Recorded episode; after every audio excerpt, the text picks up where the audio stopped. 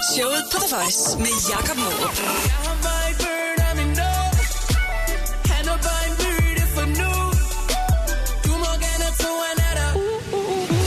Og så skal jeg sige uh, velkommen i showet på The Voice til uh, Skins. Jeg sætter lige på ord på. Sanger, producer og hiphop-elsker. Er der nogle uh, andre ord, der beskriver dig bedre, eller hvad, Skins? Nej, egentlig meget godt ramt musikelsker i, øh, i generel form. Ny single er derude, og den skal vi snakke om uh, lige om lidt. Uh, men jeg synes, at det er ret vigtigt, at vi lige får lavet lidt, uh, lidt baggrund på dig uh, først. Ja. Så vi lige lærer dig lidt bedre at kende, ikke? Du har boet mange steder i verden, oprindeligt fra Somalia og blev så sendt til Moskva. Kan du prøve at fortælle om, hvordan de oplevelser, du har haft fra barn, har gjort indtryk på dig? Altså, man kan sige, at øh, man er jo blevet sådan pænt meget multikulturel på en eller anden måde, fordi man har boet så mange forskellige steder og mødt så mange kulturer og mennesker. Meget af det er selvfølgelig i mine tidlige år, så det er jo ikke alt, der ligesom har sat sig, eller jeg husker. Men ja, det er helt korrekt. Øh, i Somalia.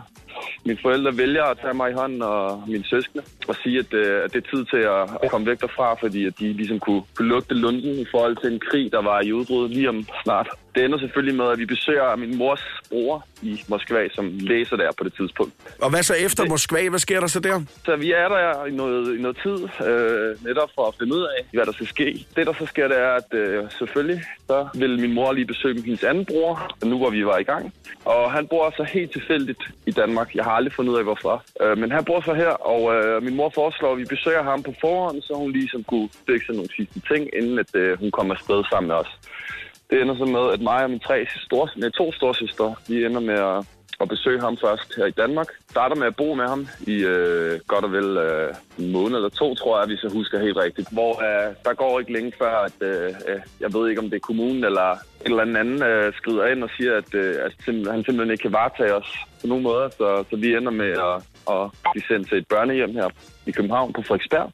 Og starter egentlig med at bo der de første mange år, uden mor og far det har jo selvfølgelig øh, været svært, og ikke altid lige nemt. Især fordi jeg var den yngste, og mine to storsøstre var jo sådan, jeg var de så en, en 8-10 års alderen og sådan noget, så de, de, de havde sådan forstået lidt mere, hvad der foregik, end jeg havde.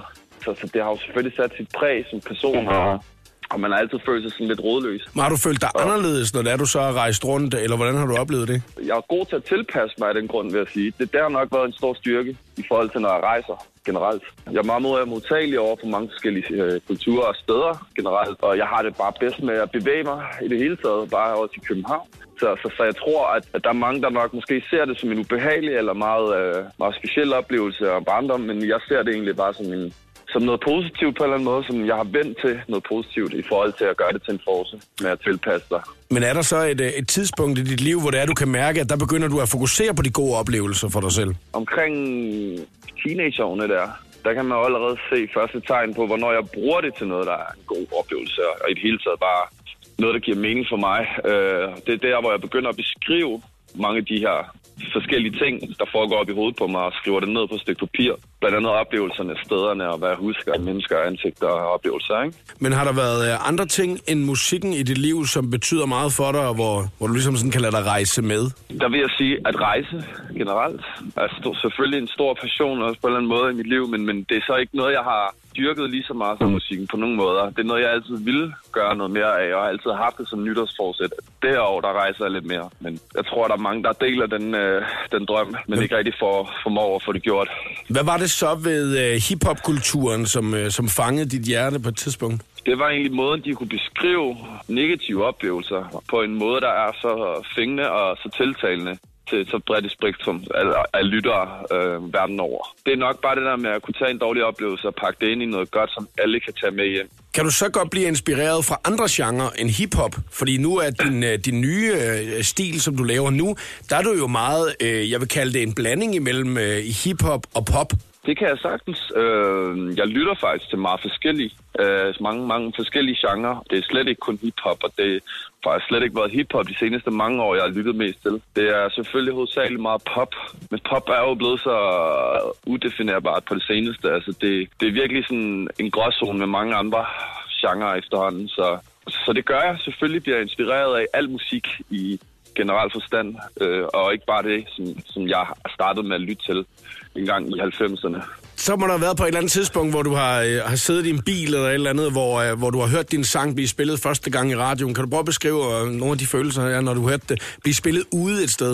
Øh, ja, jeg kan tydeligt huske det. Jeg kan også huske, hvor det var. Det, igen, det, det er jo selvfølgelig noget, man kan prøve at beskrive så, så, så meget som muligt, men det, det kan jo aldrig beskrives helt, medmindre man selv oplever det, siger man. Ikke? Der havde jeg lige udgivet min første single i 2012, det var faktisk på selve dagen, det var udgivet. Der var mig og min kammerat løbet ned til uh, Sunset Boulevard, Sandwich Bixen der, inde ved uh, strået for at få lidt mad. Og mens vi står der og bestiller, så kan jeg høre noget i baggrunden, som minder om noget, jeg har hørt før. Og kan høre nogle af melodierne, men det er så svagt, altså det er skrevet så langt ned, at vi ikke kan høre, hvad for en sang det er. Og til sidst, så går det op for mig. Det er sgu mig, der har lavet den sang. Og det råber jeg bare op til min homie. Uh, det ender sådan med hende, der står ved tjener, og som bare sådan bliver helt sådan kraft af det, fordi hun kan se glæden i mine øjne og i min stemme for den sags skyld. Uh, og ender så med at sige, om jeg kan jo bare skrue op, hvis det er. Står vi bare sådan begge to. Ja, tak. Ja, tak. Inden for Sunset Boulevard, ikke? Lige at fyre den af. og hun fyrede den helt op, mens vi stod i stillingen, og jeg stod sådan lidt... Uh, ja, jeg skal have en eller anden kylling sandwich, men uh, kan vi lige vente to sekunder, fordi der kommer det gode her. jeg skal lige have mellemstykket med. Det er ikke akavet samtidig.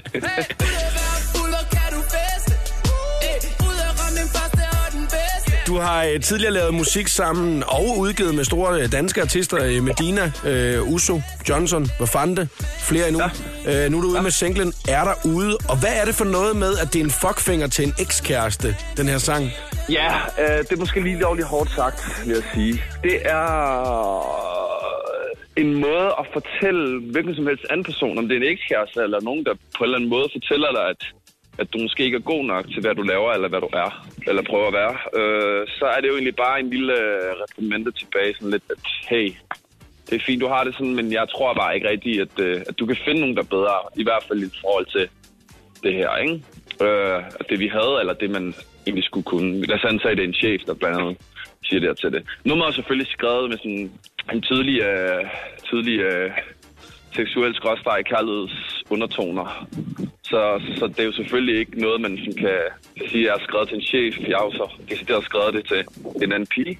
I Fuckfinger er ret sådan negativt. Jeg har pakket det ind i så glade melodier og good vibes at man bare skal se det med, med glimt i øjet og i grænsalt, eller hvad man siger, tage det med grænsalt på den måde, at jo jo, der skal nok være nogle folk på, på vejen, der, der måske vil spænde ben for dig, eller fortælle, at du ikke er god nok til dem. Men hey, den dag de finder en, der er bedre, så skal man sgu nok, øh, skal man sgu nok hilse pænt. Men øh, det er bare ikke sket i ikke?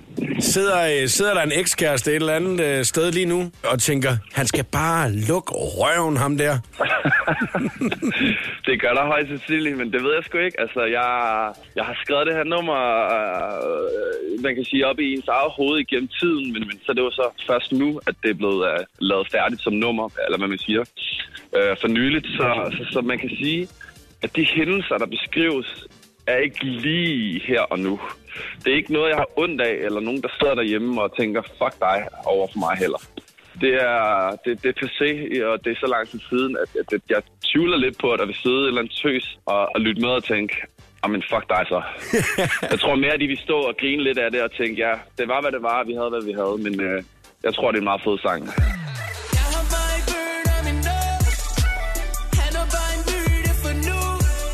Hvis vi så lige prøver at kigge fremad, hvad glæder du dig allermest til så her i 2017? Jamen, jeg glæder mig allermest til at komme ud og spille, faktisk. Det er noget tid siden, jeg var ude at spille, så egentlig komme ud og spille og, og, og dele musikken med så mange mennesker som muligt. Det er nok, øh, det er nok højdepunktet på nuværende tidspunkt, hvis jeg selv skal sige det.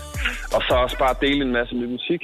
Vi sidder lige pt. i mig og Sylvester og lukker det, der skal være anden singlen, og skal aflevere det til Mix og Mastering her i dag. Det lyder til, at det bliver et uh, spændende 2017, og uh, tusind tak, fordi du lige gad at være med her, Skins. Jamen uh, selv tak, og tak, fordi jeg lige må sige et par ord om mig selv og musikken. Showet på The Voice.